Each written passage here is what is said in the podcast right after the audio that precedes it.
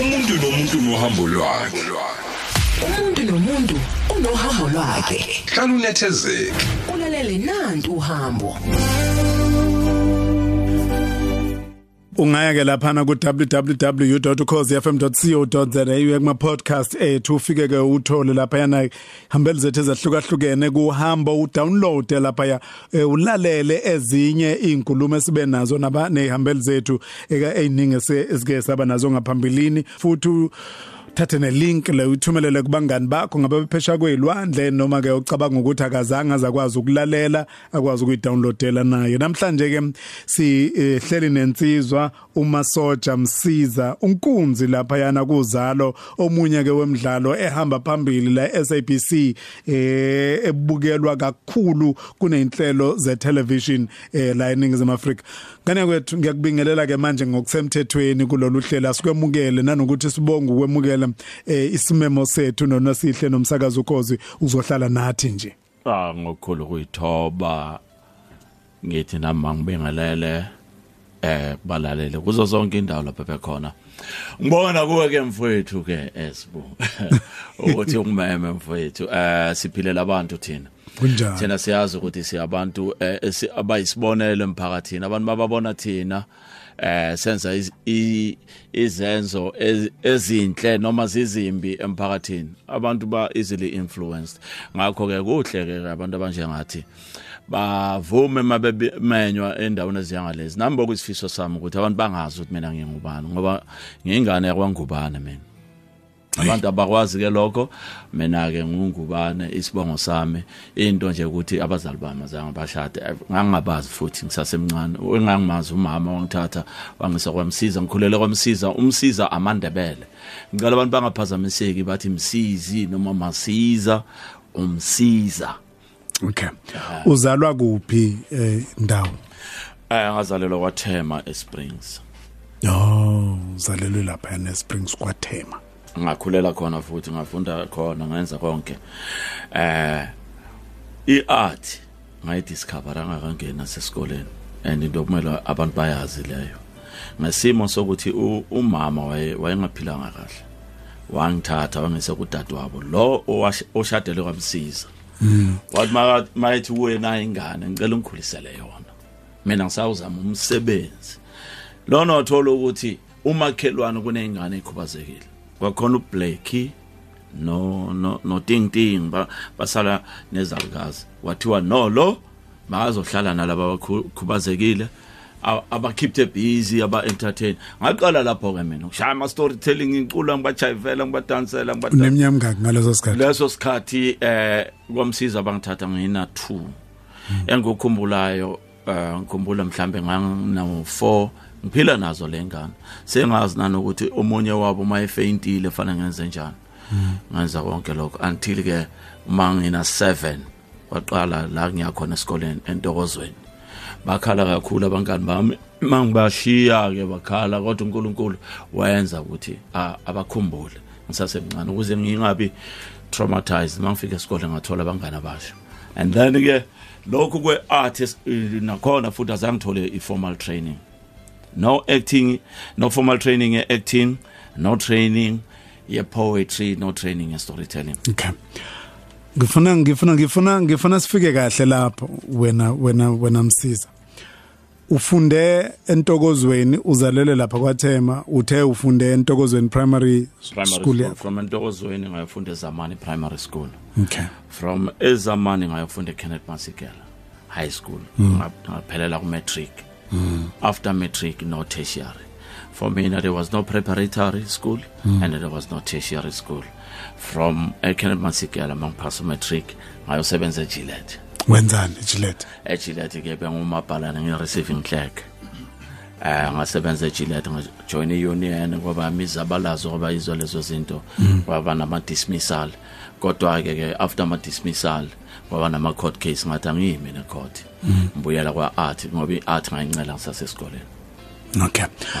Ut- uthi i lento yobuciko iart ifikele kuwena unesikhathi uhleli nalezi ngane ubuhleli nazo eh kusho ukuthi ucocele istory njalo njalo.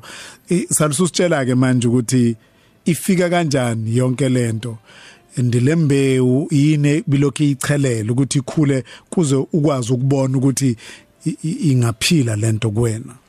Lembe uyacheleleka ngokuthi i-environment engikhulele kuyo lapha kwathema mm bakugcola ama soccer stars. Zebulon Sputla Nhlapo teenage dladla o Ox Mahlangu eh ama boxers ama athletes ama karateka even ne judo nambe ngifuna ukuparticipate as a youngster.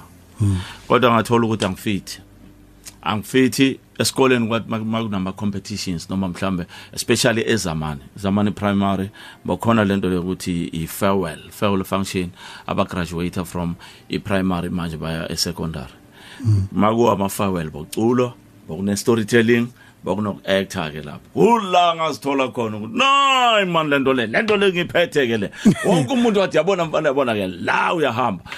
Phezulu kwalokho la esikoleni wakhona uMandla Mthweni khona Mr Nyembe khona uJuwel Sikhosana. uJuwel Sikhosana uye owa owangilolonga ku poetry ngoba wayengena eklasini afika eklasini athatha intombazana yakamkhatsho ayibeke lapha athatha omunye unomthandazo omunye wakazondo omunye igama lakhe ucommissioner avela shaya ipoem ngathi. Athi omunye unomvula. Aqala ngokuthi uya omunye wakamkhatsho athi njalo uma kunemvula ngiyamkhaba umkhaba umkhatsho awuzonda ngizonda ngene emacaleni ngiyaka commissioner and amagama wethu njalo la. Ayibonga se and it Yo. so amazing. La amanye ama- eh, the other teachers lapha ezamani Mm, if this teacher can perform this act i can also perform. Yeah. So i was inspired. I started nami ke yonke indawo even my street emampi street there was a guy obekagudu ku art uSamson Mbonane. Yeah waziwa ngosimo wayesiqeqesha ke nami. Ngishayele lezi zinto ngisithola eclassini ngishaye yonke kusho ukuthi ke eh, everybody beka approve ukuthi eh ngi- ngiphethe art nga ngaze nga recruitwa i- igroup okuthiwa iSprings Bomber Boys. Sacula isicatha Mia ngisafunda isikole ngise high school. Sa record true tone si si recorded true tone sashaya album eyanyakazisa even sona le stage lesi leso yeah. Ubaba ubhodloza nje uma ngumona nje la isithombeni ngahlangana naye ngathi usangikhumbula baba ubhodloza lapho masaka lapho ushuthi hey man khona abafana abancane. Sasibancane the eldest was 17 mina I was 16 egroupini hmm yesicatha mina? Yebo. Hayibo a lady smith black mambazo iyasazi. Hayibo even today mangihlangana nabo labo masaka thola ukuthi semashowini nina niyazi ukuthi sas but ah no obaba bethu banikhumbula. Ni group encane ngoba phela manje sekuyile Lady Smith Black Mambazo the new one laba aba aba young and uh, ubaba mazibuko kodwa yena uyakhumbula yeah. So i acting ngangenza ama drama esikoleni i Durban le ngiyazi nge acting Yeah. sawina ama award we- weyikole kwakhona ama schools drama competition. Nga actor ngawina mina ne group yami seze Durban for the first time ngisafunda isikole. Ngase Durban uma ngifika eDurban hembona iDurban ngingazi ukuthi lento ngipreparela for later stage. Hey, Fred. uNkulunkulu wayazi ukuthi la eDurban ngisazokuletha ngayo iacting. Okay. Uthisha ubani lona oniqhuquzelile kakhulu lo kaDumusho obenobu obene creativity enjena njengoba bengimention khona ngimkhohliwe usangweni. Eh wayebhala kena ke poem ayiqale phansi sikhona simbhekile esikoleni. And ayenze kodwa owangiphusha kakhulu uJuwel Sikhosana. Okay. La esikoleni ngi- ngiyabona ke manje ukuthi bekubusy niyafunda kufanele nenze inkondlo kufanele eh nize nifike lapho lo lo lo bhalayo kubhalwa nanemidlalo futhi njengoba ushilo ukuthi eh kwakune school drama kusho ukuthi nakhona lapho futhi eh wawuphinde futhi ube ingcenye yokudlala lapho. Ngiyabona the most interesting thing eh kwaku ama debaters esasinawo eh nama classmate nama schoolmate wakhona iclass engafunda kulo. In that class bakhona ama friends uLazarus no Raphael. Kukhona ama twins uTom no Thompson bese kuba khona mina. Nabanye abangani bami sasicompete nga storytelling uLazarus no Raphael babe mabashaya storytelling oyi-one mayikhuluma. Khuluma khuluma ngama movie bioscope njalo. Athi yabona i-steering sithe masiqhamuka. Lo munye ufaka isound athi zazazaza athi lo ya basekana. uTom lama twins. uTom noThomson laba bona bayishaya kanjani? uTom uqala istory. Isentence engakapheli uThomson uqhubeka nestory. Hayi. And mina i had to come up with a style esine esine humor and and an exaggeration. Kusho ukuthi ngafunda lapho kushaya exaggeration kushaya ihaba ayibhaliwe njalo leyo nto. Iyazenzekela khona Mina la ngangibuye eBioscope ngibuye ubukela ama western ama cowboy ngithi yabona le steering system asifika sathi bafana bami. Ya. Hands up. Ya. Your belt down your guns down sikhwehlela down. Ubone bashayisa nje bathi "Ah!" Kanti sengifaka nento zami ngoba sikhwehlela down ngoba manje ngiyabona le, le audience ngibambe la esandleni sami. I i learned ngaleso sikhathi ke ukuthi ngibe na that thing ye exaggeration neyokuthanda incwadi because i had competition. I had to read a lot in order for me ukuthi ngizokwazi uba nama bombastic ngizofika nje eklasini mangena ngithi i catapult with metaphors onto the page and carambole with parables onto the stage. And kwakhona ke omunye wasinike i, i hard time waye debate wayekwazi ukushaya ile iparagraph yonke ayikhuluma in the past tense nge-english hayi. Ekhuluma in the past tense. And make sense. And make sense out of it. So mina that was that was my training. I was trained at school eh naseKenemasikela high school. Sasinoludumo magangane conductor one time ngihlulwa imaths. Fele dismal ku maths abantu le ngaphandle babalalele afanelanga bathathe as if oma soldier lapha bavele nje baba successful abazange was- bafeyile it was- empilweni a hard road. It was a hard road. And ngapha ngiyacula ngine group ngapha ngine group esikoleni igospel sizibiza ama commodores ngapha ngiyajiva ngoma jivana. Eh kwathola ukuthi maths yangidabula wathi kimi la mfana. Uyazi ukuthini?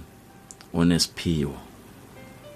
Ngiyakuzwa kuma debate functions ushaya poetry. Kodwa le poetry le yiclean manje ukhipha inhlamba lapha.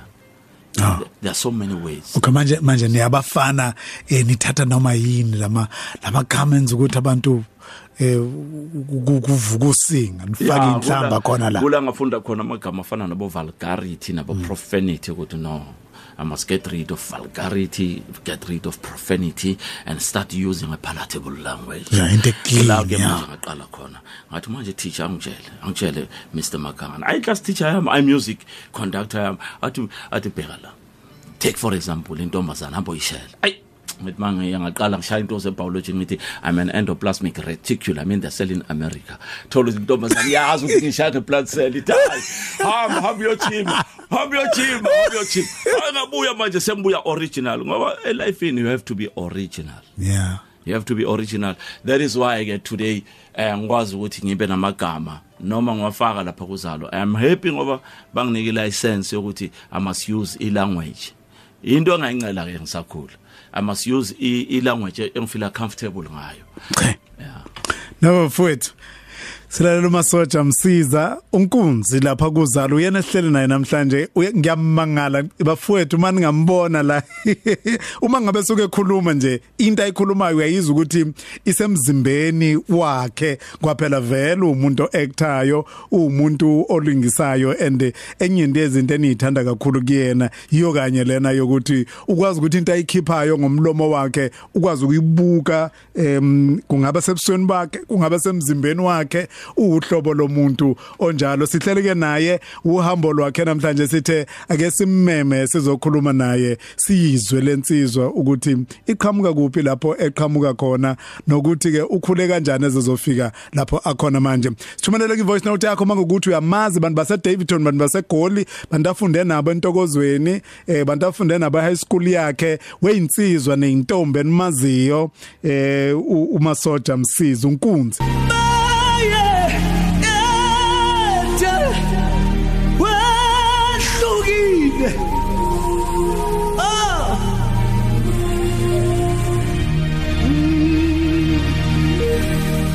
Sebenzi kaDumi Mkokstad kule album yakhe ehlanganise naleyo ayenze bukhoma uzoyithola lengoma yithi wehlukile. Wena Thixo wena simakade awulinganiswa nalutho nguNkulunkulu omiyo njalo ngomdala kuneyinsuku yonke into ibunjwe nguwe. Kongokhona emhlabeni wena ukwakhe ngegama wena ukudale nge- nge- nge- nge- ngephimbo lakho wathi makube khona wawusubumba umuntu ngezandla zakho isimangaliso sikaNkuluNkulu bayede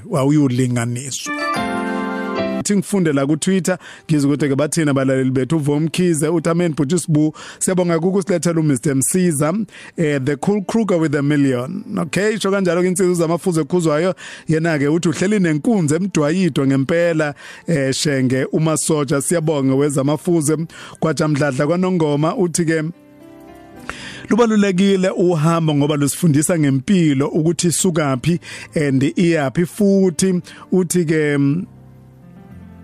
ngakukhona eh akhona munye oqhamuka esephumelele kepha ke uqala kubona ubunzima bese ke kuba ikona ukuphumelela usiphephelo mlotshwa uthi kake ngibuze kunkunzi ukuthi uma eshisa abantu ngopetroli akahlangabezani yini nezingqinamba eh kubantu? Okay usiphephelo mlotshwa okay bese ngi- wena kade ngifunda la. N- nanku umbuzo. Ukuthi makwenzekile udlala indawo ewu e- e- ebonakala ihlukumeza lapha emidlalweni akwenzeki abantu mhlambe babonakalise indlela ethile. Abanye ngizwe ukuthi ngeke kuze kuphozwa ngisa amazwi angemnandi mhlawumbe abantu mabehlangana nabo emamolo or something. Ya nkosi yami. Eh bekwenzeka ingane encane ngibona ibaleka.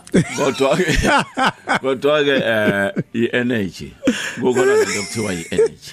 Sivele ibaleke ingane. Eh lento kuthiwa i-energy maphakathi kwabantu.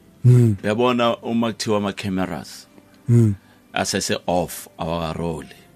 Awuyish ba ba ba bafone noma babhale labe sisebenza nabo.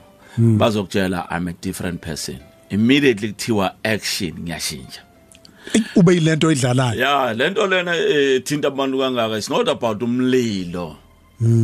As such it's about how i look when person uyenza is- leyanto. is burning is about how i sound. Mase ngithi makashe lo muntu lo ngoba ngithi uzothola ubhabhadiso lwamanzi. Upetrol ngithi manje uzothola ubhabhadiso kusho ukuthi kuthulile kuthulile ngaso kusho ukuthi wena ubukele uyayifila lento. Uyayibona? Uyayifila. And and isiphiwe ngaphiwa sona that presence. Leso sithunzi leso sokuthi uma ngithi ngiyayikhuluma lento iphume la emehlweni. That kind that kind of thing uzalwa nayo. But kodwa enye into futhi ephinde i- train is is whereby mawuthola ukuthi u- ukule environment efana nale ngikhulele kuyo.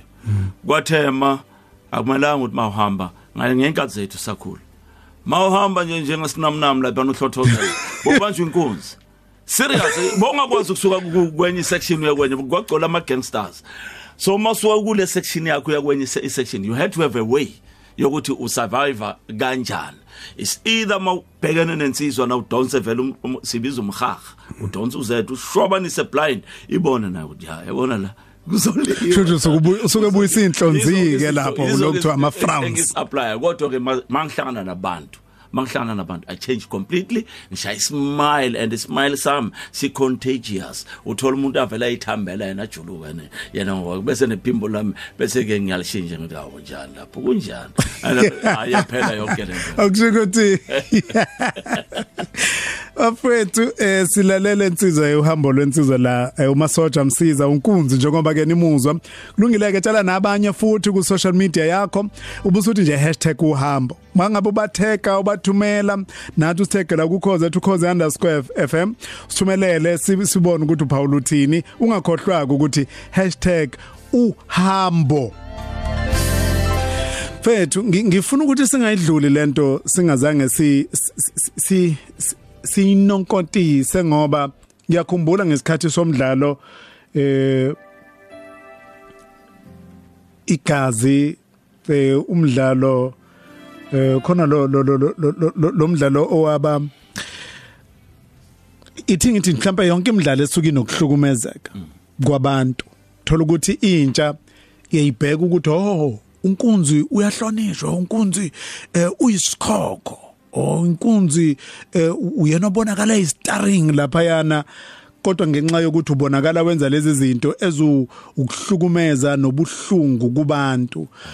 Andibalulekile lento ukuthi sikhulume kumuntu omusha kakhulukazi okubuka lapha yana ukuthi bayiqonde ukuthi le njobe isuka idlala ibhalwe lapha yana uyi-actor lapha yana kukhona lapho ebheke khona kunokuthi wena usuzosuka manje usuyoyenza kumuntu ophilayo ungazange ubheke ukuthi bekuyini isifundo bekufanele ukuthi sifundwe umuntu owenza kanjeya? Mm, kusho ukuthi asikwazi u- u- ukushutha into ngaphandle kokuthi kube nomhlangano kuhlalwe phansi ama writers producers directors and actors. You have to understand your character and the journey of your character kusho ukuthi i-writer mayizobhala ngento efana nayo leyo kuhlukumeza kusho ukuthi fanele iveze that is the cause iveze ne-effect Yeah, isho Kusho- ukuthi kusho yini yeah, isi- isifuna it's just ukufundisana sakhona. nayo. Mhm. Na- nanokuthi mangabe yimbi lento kodwa isijeziso kumele sibe khona Yeah. ingakho in every uh, episode lapho kuba khona okuhlukumezeka kodwa kuba khona umondli umondli aqhamuke azolawula isimo. Senzelani senzela ukuthi si- siyabonisa ukuthi izinto ezinjengalezi zihlukumeza abantu kodwa ziyenzeka. We are telling our stories. We have to tell our stories ukuthi emphakathini siphila kanjani. Ngake ngake ngabona ke ngi- ngiyakhumbula nje ngiye kwesinye sezikole ngalesa sikhathi segazi lami em ngaleza ikhathi em cabanga ukuthi i- i- ukubaluleka kokufundisa abantu kakhulukazi ngalezi zinto thola ukuthi ingane zaseyidlebeleka ayisafuna ukulalela ngoba zifuna ukwenza lento eyenziwa lapha. Zibona ethi- and and kanti azange zifunde kuze kwafika ekugcineni nokulalela kuze kufike ekugcineni ukuthi kubhekwe black bag kubhekwephi ngoba manje i-act le ebulungiswa ke manje that justice. Yeah. ivele ibe ncane kule itori lezi. And eh, abantu basuke bangasayinaki ke leyo kodwa ke thina emiphakathini sithini? Sithi okay sinama businessmen sineyikole sinawo umphakathi. Umphakathi uyakwazi ukusibiza thina usimeme kuzofundiswa ukuthi ngalezi ukuthi wozani? Wozani ezikoleni izokhuluma nalabantu abasha. Uma sifika ke sikwazi ukuthi laba bantu abasha sibabonise ukuthi uma sikhuluma nge-acting ibusiness you are not you don't only become an actor ungaba i-director ungaphatha i-camera ungaba nomunye umsebenzi owenzayo. Ukuze babone ukuthi oh kusho lezi zinto ezenziwe TV kusuke ku kuboniswa ngempilo ephilwayo. Sikwazi ke ukukhuthaza abantu but that is happening incane lento le in a limited way ngoba manje into sifunayo ebantwini sifuna ukuthi okay if abantu abasibizi then thina we have to do something njengami. Ngavula i-ignite the mind academy and i-ignite the mind academy inelento i i i raise a boy child. How to raise a boy child. Ukuthi umkhulisa kanjani umfana yeah. Ngoba most of the time abantu abakhosa ama acts we violence abafana so sinayo ke program edila ngalokho. Siye siye ezikoleni siyamenya. Okay. siyacela ukuthi abantu njengoba balaleli bakwazi ukuthi futhi baxhumane nathi bathole ukuthi sitholakala kuphi futhi. Sizofika lapha.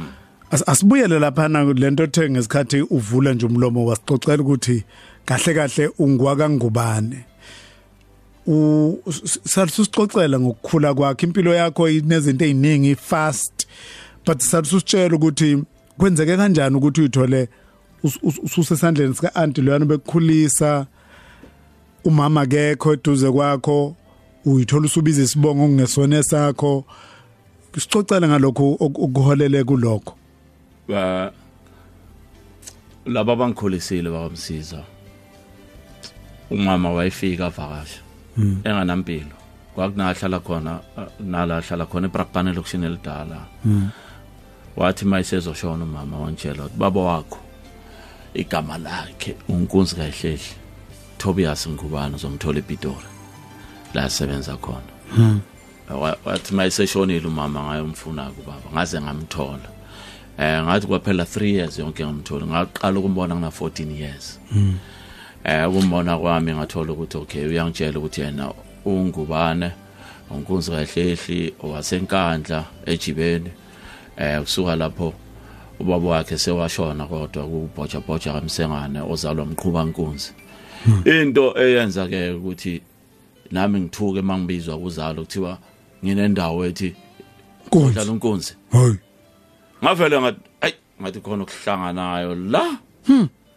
Ya so ke mangimthola ubaba kodwa wa- wa- wayehlala nomunye unkosikazi.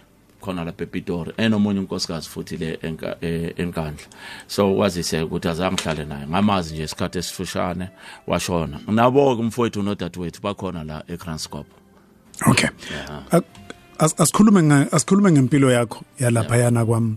Bamsiza kwamsiza. So abantu bakwamsiza bavele baba abazali bakho bakukhulisa njengengane yakho? Wethu nabadade wethu eh mangifika mina kwamsiza ngimncane bebe u6 ingane zakhona. Eh kubaba umsiza indoda engihlonipha kakhulu seyashona. Kodwa isalukazi sasekhona. Eh uJumaima umsiza. Yibo abantu abangikhulisa bangikhulisa njengomntanabo izinto eziningi ayifunda khona lapha endlini. Wamsiza kwakuthi mina ngisasemncane ngizwa bona mabe prepare umsebenzi wesikole ama recitation leso sikhathi poetry besibiza recitation uma beyilungiselela ngangikhona nje ngilalela eduzana ngizwa nje indlela abahaya ngayo. Okunye futhi okwangakha ukuthi kwamsiza njengoba kuwamandebele balandela usiko lwasentabeni. And njalo makubuywa entabeni kuba na- nomsebenzi owenziwayo. Makhona umuntu entabeni mayibuya kuba nomsebenzi owenziwayo. Lo msebenzi eh kuyahaywa haywa inkondlo. Ngancela ke kakhulu izinto ezihlangana nawe yile ntabeni cha mina ke azange uma wabatshela ukuthi cha lo Okay. wakangubani unesiko lakubo lo? Eh ngakhula kanjalo kangubana kuyanqunywa umunwe unqumile? Angathola ubaba ngambuza lo mbuzo ukuthi yena anganqumanga? Washo ke wangilandisela ngomlando wakhona ukuthi cha kwasekuliwa kakhulu inkosi yathi eh abanye bamabomvu mabacabe. Wangitshela kanjalo ngacatshwa ke mina. Yebo. Okay. Selinensizwa ke la eh, umasotsha msiza mhlambe ngaphambi kokuthi siyidolo siye ngomeni siphinde sibuye. Ukukhula kwakho usuyamazi ubaba wakho uthi uba kangubane and eh, um- umfana ujwayele ukuba nalento yokuthi hayi mina ngifuna ukubiza ngesibongo sami. Yini yenza ukuthi usigcine lesibongo sakamsiza ungamthatha ngubane oh hayi ukuthi ke njengabantu abalandela isintu kakhulu. Yonke into inomsebenzi wayo. Eh njengamanje nje siyahlangana kakhulu namabomvu. Khona la. Nakule sonto elidlulile besilapha komjikijelo lo sowashona kamaskandi. Hlangana kakhulu nesizwe samabomvu. Ngibazisile emhlanganweni omkhulu ukuthi okay kufanele kwenziwe lo msebenzi. Zonke izinto nje zilandela Zenziwe kahle. khona ya. Kodwa ke yabona masikhuluma ngazo ibongo laba bakamsiza leli gama lethi masotsha msiza. Mina nami indlela ukuthi ngibabonga angazi ngababonga ngani ngaphandle kokuthi ngiliphakamise igama labo. Njengoba nje ngumasotsha msiza isibongo sikamsiza besingaziwa abantu abaningi namhlanje sesiyaziwa ikakhulukazi la eh, KwaZulu Natal abantu sebayazi ukuthi oh khona isibongo sithi msiza amandebele. Yonke into nabo abantu bakamsiza bayiqhenya nga- ngami bathi ah lo urepresentative so kukho konke ngikhula kumnandi kukubi kukuhle kunjani? Abantu bakamsiza bama nami. So ngaleyo ndlela mina ngithi eh angikwazi ubalahla. Na noma izinto sezenziwe Yeah. zalungiswa yeah. Mina ngisazoconsulta kahle nabantu abadala ukuthi okay ngiyenzani makunje yeah. Beke kahle mfowethu.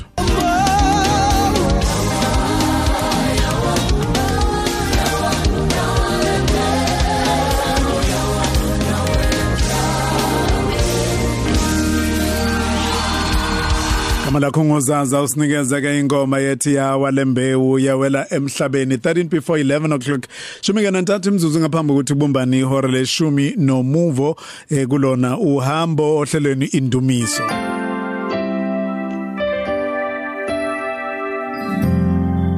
Kena kanjalo lolu hlelo ngehora leshaka lombili ekseni ngesonto size silibeke ethala thina nonosihle. Mase kugamenxe ihora leshumi nomuva emva kwalokho ke unkosinathi mfaka mshengu uzohlala nawe kunikeza umnandi umculo. Wayethu nokunongcebo Mackenzie at the golden ages Abo at the golden oldies yes yeah. Suke ke kunikeza zingasoze zabuna. Ungamlalela ke nayo nongcebo Mackenzie benothathu ugodo lapha ekseni besihlupha besihlekisa besihle. Kusukela ngehora ke likugamenxe ihora lesithupha kuze kubumbane ihora lesishaka lolunye kusukela ngomsombuluko kuze kube ke ngulwesihlanu. Okay mfethu yebo. ufika kanjani ke manje kule yokuba unkunzu yokuactor ngisho kanjalo. Sizwile ukuthi ubu ubuhlobo lomfana onjani and eh, benimisela kanjani ekukhuleni kwenu ingene kanjani lento yakujova kanjani lento yobuciko. But kufika kanjani lapho manje uyithola khona usumuntu okwazi eh, uku- ukuqokelwa ukuthi azokwazi u- u- u- ukudlala emehlweni abantu? Kuma platform angafana nozalo uqale. kankunzi lapha kuzalo umuntu aza nominate na yonke lento uqale la kunkulu uzalo. no u- ngathi mangi ma ukusuka kwami makuphela umsebenzi lo ngang- ngangusebenza Yeah. ngayiso wethu ngithi ngojoin uGibson Kent. Ngafika kuGibson Kent enza ishow ethu umfowethu. Mangifika lapha ngathola ukuthi bayangithanda phasa ama audition kuthiwa hayi no siyayithanda ivoice yakho siyayithanda indlela odansa ngayo siyayithanda indlela ongabonisa ukuthi uzo actor ngayo. Kodwa ke ngebhathi wathola ukuthi ishow iyahamba iyakutho mangisuka lapho ngathi angiphindeli kwathema ngisesowethu ngaleso sikhathi ngathi awuthi ngizame e- eHillbrow. Mangifike eHillbrow ngathola ukuthi khona itheater kuthiwa iWindbrow Theatre. Mangifike eWindbrow Theatre kwakhona ama groups amaningi kwenziwe acting ngathi ngiyajoyina ngapha ngiyajoyina ngapha ngathola ukuthi ngithola isikhala. Isikhala esasikhona ise poetry ngangena ku poetry ngaba eh nama poetry session every Wednesday. Mangilapho wala ngibona khona imushrooming yama poets amaningi imbongo eningi ngathola ukuthi hey nakhona hayi ngathi manje sesi- sesiyafana senza into efanayo.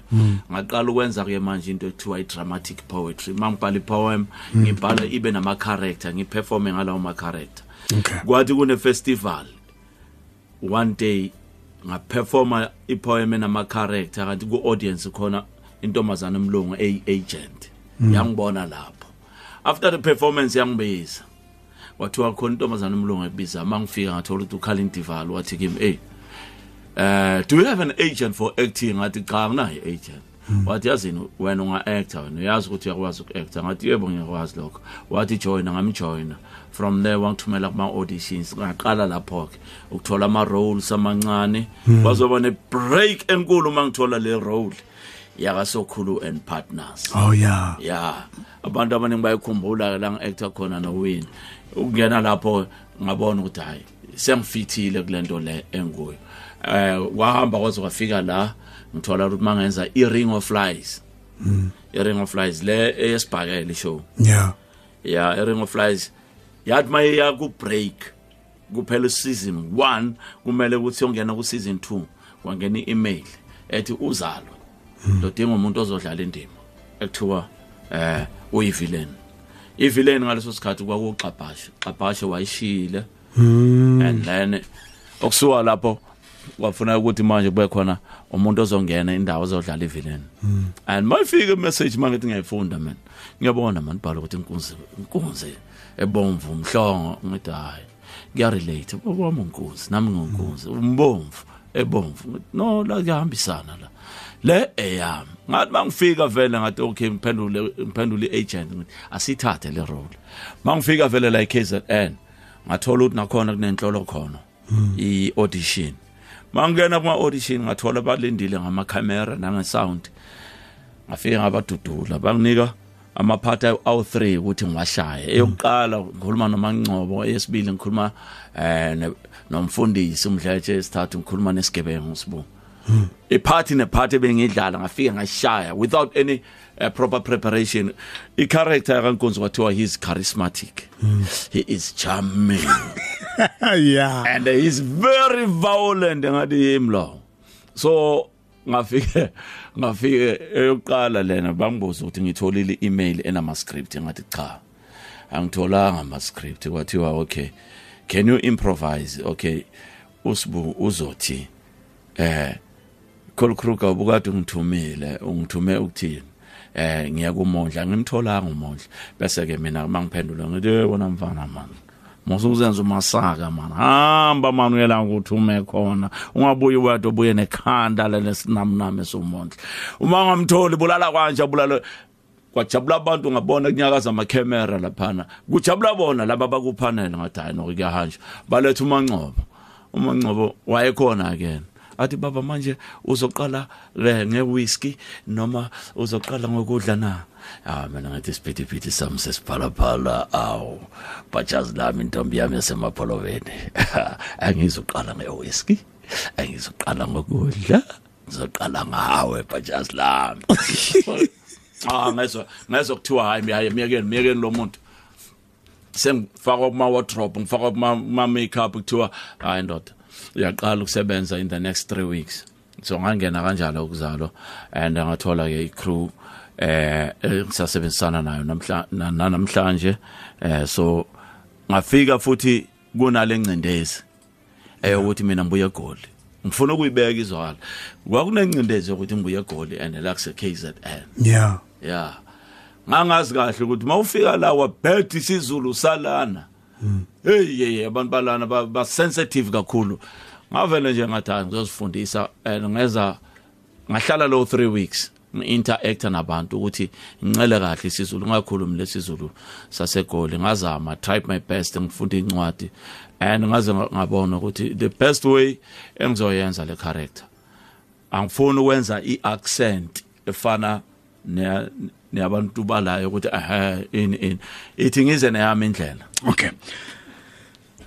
And eh, wa- wababona ke be- sebekwemukela manje wa- wa- waba confident ke nawe ukuthi no ngiyayenza le. Ya into yangidalela i-confidence ile ukuthi mangifika ngafika eh kakhulukazi nga nga improvise njengokuthi unkonzi mayishisa umuntu.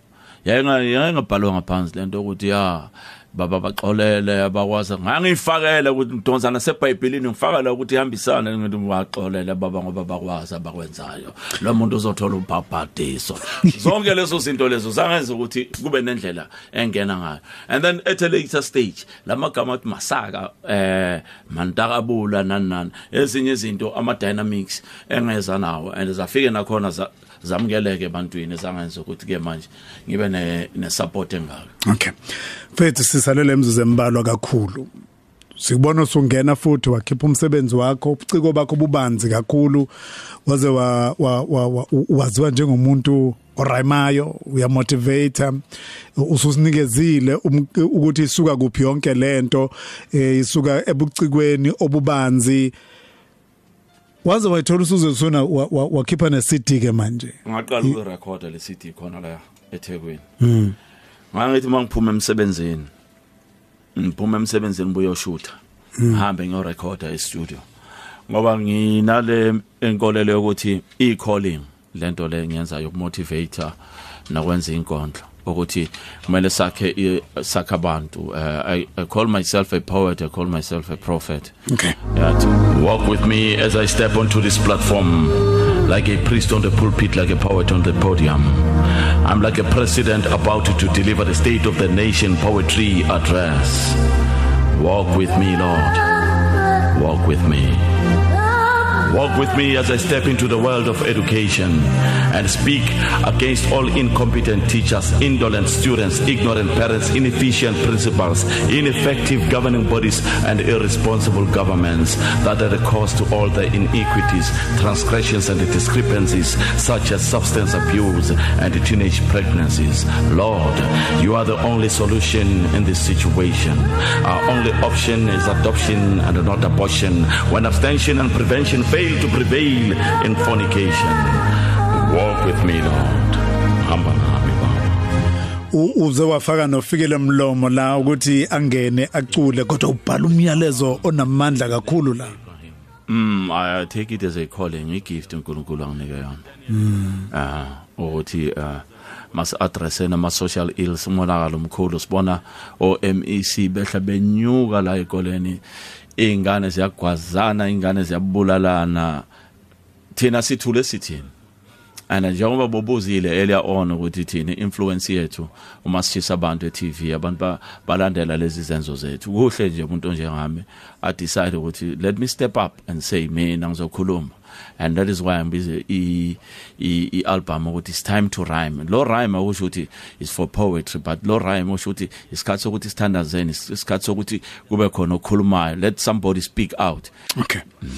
Lungelo mfethu sizonikeza enye ye- yalezi ngoma zakhe njengoba uza ukuthi zino zinomyalezo ke eh umuntu onezinto eziningi bakuthola kuphi ke abantu abathandayo ukukhuluma nawe ukuxhumana nawe? Social media ngiyacabanga ukuthi izona ndlela ezingcono zokuxhumana kule insuku ngiqale ngale lula kubo le ethi masoja msiza bazoyithola ku Instagram Instagram masoja msiza.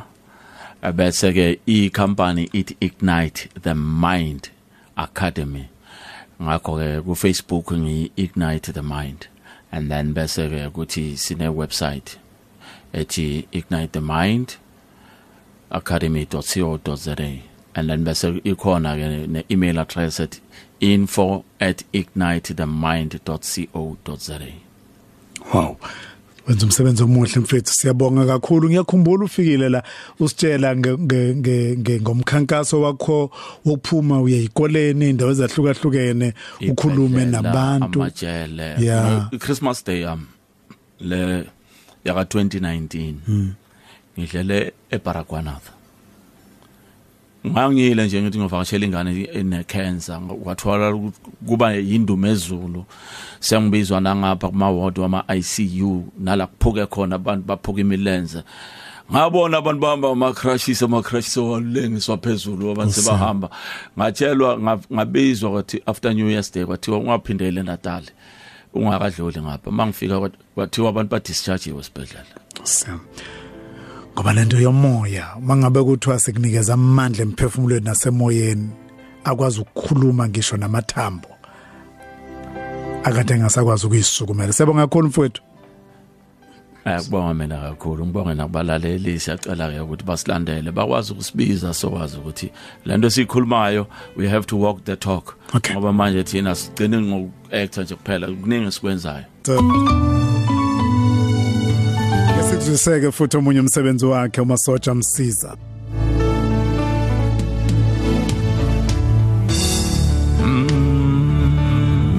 I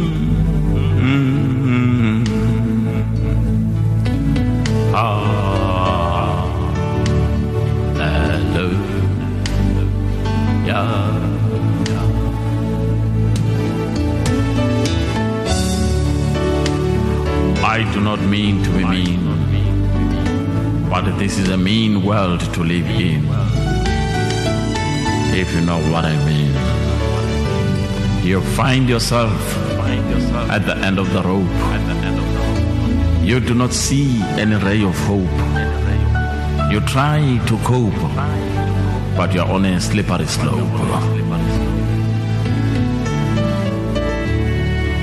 You are just a prisoner of your circumstances. You are a prisoner of your finances. Sometimes you are broke and bankrupt.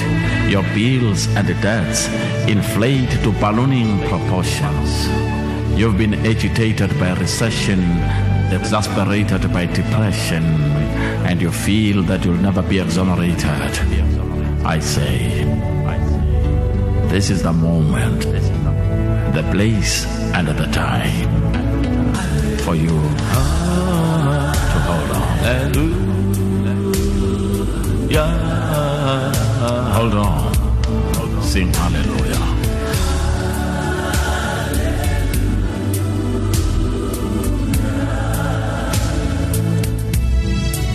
You are trapped in trouble, trials and tribulations, devastated by divorce, dejected by retrenchment and the rejection of your job application. Your child is addicted to drugs. Your niece has joined the list of missing persons. You find it hard to sleep. You are so sick, weak, and meek, you can't even speak, let alone wink and blink, and you begin to think your Titanic is at the brink and about to sink, and you're contemplating suicide. No need to throw in the towel. Just kneel down. Look up. Sing hallelujah. Hallelujah. Sing with me.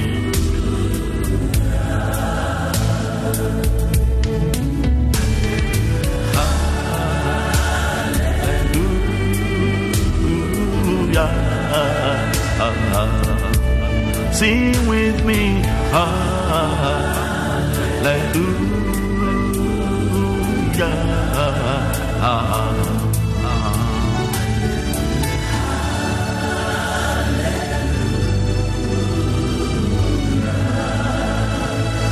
Even if you are in prison, you are not in a dustbin or a coffin. You are in prison for a reason. Wait for your season. Your incarceration in that institution is just a situation for rehabilitation and reintegration, for redemption and retribution. You are in a penitentiary and not in a mortuary. It's only a sanctuary. Stress not about your obituary. You are not heading for the cemetery. Focus on your story. Change the course of your history. Leave a mark on a memory and stop feeling sorry and hold on to your dreams.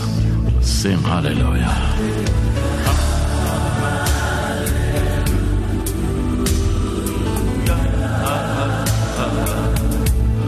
Sing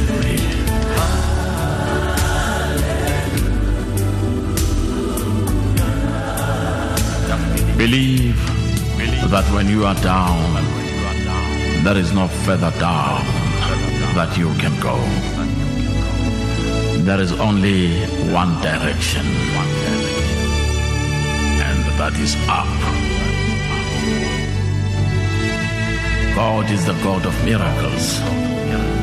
He will elevate your head above the waters, help you bring grease to to the mill, make the pot to boil, chase the wolf away from the door, and bring back the lamb that went out the window.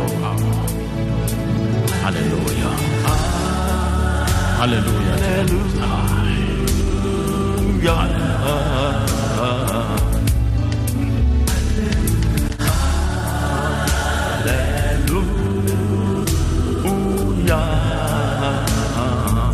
Sing with me.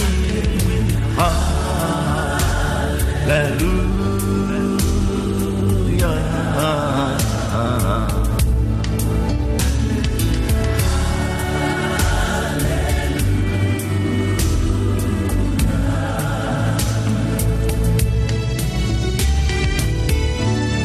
Let God fight your battles. Even when people talk, let them talk. Remember, He said, I will bless those who bless you, and I will curse those who curse you. You and God are in the majority.